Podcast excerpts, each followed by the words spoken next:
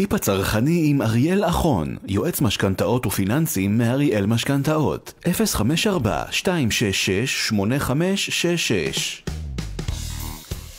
טיפ הצרכני עם אריאל אחון, משכנתאות, חברים, כן כן, כמדי שני. ואנחנו כבר uh, ממש, אבל ממש uh, התחלנו כבר להחכים, אנחנו כבר יודעים uh, המון המון דברים על משכנתאות ועל התנאים, והתנאים לקבל והתנאים להחזיר, ו... והגיל, ו... ולגיל השלישי, והמון המון המון דברים. והיום אני רוצה לדבר איתכם על רכישת נכס להשקעה. ערב טוב, אריאל אחרון, יועץ משכנתאות. ערב טוב, רות, ולכל המאזינים. מה נשמע? מצוין, מצוין. והיום יש לנו פינה, האמת, שהיא בול מתאימה לנו לפסח. כן. אנחנו יוצאים מעבדות לחירות פיננסית. הופה. מה זאת אומרת? זה אני אוהבת. למדנו ועברנו בשבועות האחרונים איזשהו מסע מאוד ארוך, ודיברנו על משכנתאות ועל תהליכים ועל איך עושים את זה נכון וממה צריך להיזהר. והיום אנחנו רוצים אה, לדבר על אלה שבאמת בנו את עצמם נכון והגיעו לנקודה שבה הם מחפשים הזדמנויות להשקיע. כלומר, על אה, אנשים, על משפחות, בעלי עסקים, שרוצים עכשיו אה, לעבור שלב ולגרום בעצם לנדל"ן להתחיל לעבוד עבורם. קוראים לזה בהגדרה הכי פשוטה רכישת נכס להשקעה. אוקיי. Okay. פה מדינת הסטארט-אפ, כולם רוצים אה, להשקיע, יש המון אפיקים. אנחנו נתמקד כמובן בנושא של רכישת הנכס הזה להשקעה. מה זה אומר בעצם, רכישת נכס להשקעה? מה זה אומר? זה אומר שאנחנו רוצים לרכוש נכס שבהגדרה שלו מבחינת הבנק זה נכס נוסף. כלומר, יש אנשים שרוצים גם לרכוש את הנכס הראשון שלהם ולהשכיר אותו, שזה בסדר. מה, אני אתמקד יותר כרגע בפינה בכל אלה שרוצים לרכוש נכס נוסף. להיות נכס מספר 2, מספר 3, מספר 10, כל אחד כרגע בסיטואציה שבה הוא נמצא. אז מה למעשה שונה אה, בהסתכלות של המערכת הפיננסית אה, מבחינת נכס ראשון שלי ו- ונכס נוסף? קודם כל זה אומר שאני נמצא בקטגוריה שונה, אחוזי המימון מתנהגים בצורה קצת שונה ממה שאנחנו רגילים, והבנקים מצד אחד מקילים, אבל מצד שני גם קצת יותר מערימים קשיים. Mm-hmm. אני אסביר למה אני מתכוון. אז כשאני רוצה לבוא ולרכוש נכס להשקעה, אני יכול בבנקים למעשה לקבל עד 50% מימון, משכנתה, משווי הנכס הנרכש. להבדיל, אתה, אתה, אתה חייב לציין שהוא נכס להשקעה? תראי, זה לא עניין שאני חייב לציין נכס שהוא, שהוא נכס להשקעה, זו שאלה מצוינת. אה, זה עניין שבסופו של דבר יש פה גם עניין של, של אירוע מס.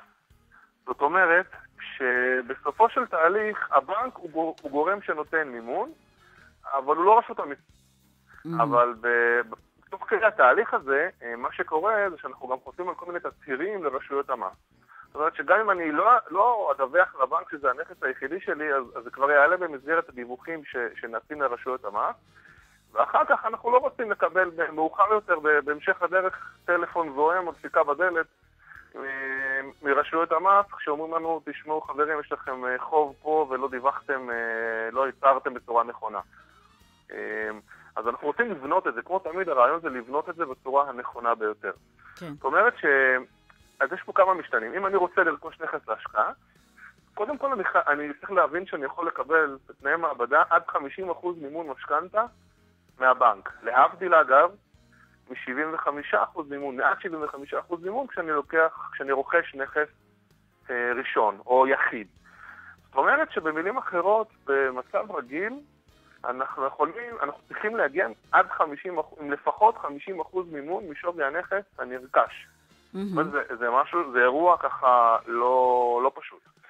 אני תכף אסביר שיש גם כיום שחקנים חדשים, או חדשים למחצה, שנכנסו לשוק המשכנתאות ודווקא פונים יותר לקהל הזה של המשקיעים, לאו דווקא לנוטלי המשכנתאות הראשונות, והיום כבר יש פתרונות בשוק של עד 60% מימון על נכס, וגם אפילו פתרון ממש ממש ממש ממש חדש באחת מקרנות המימון החוץ-בנקאיות שנותנים עד 80% מימון לרכישת נכס להשקעה.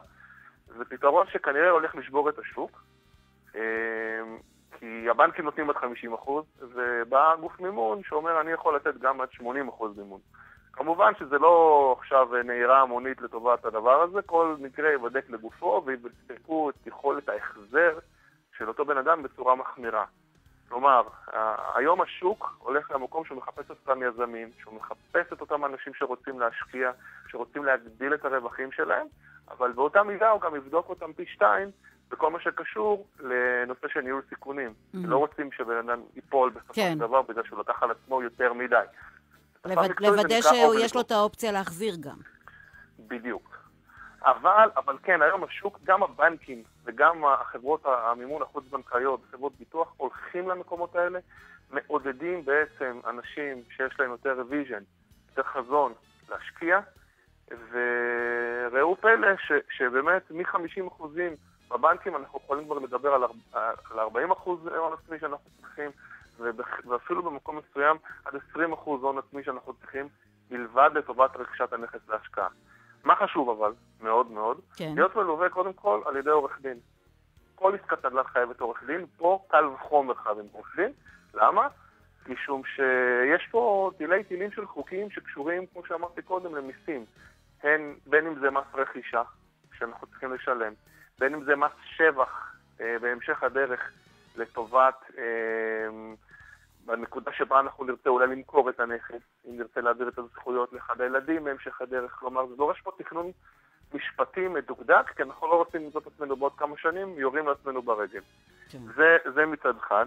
אנחנו צריכים כמובן, כמובן לתכנן את זה, כמו שאני תמיד אומר, בעזרת ייעוץ נכון, לוודא את כל המכלול, אוקיי? ולא להניח שבגלל שאני אולי הולך לקבל שכירות מסוימת, על הנכס הזה זה פוטר אותי מכל הבדיקות האחרות. נהפוך הוא.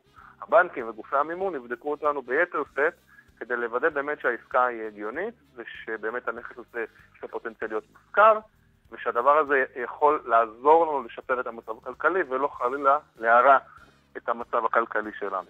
Mm-hmm.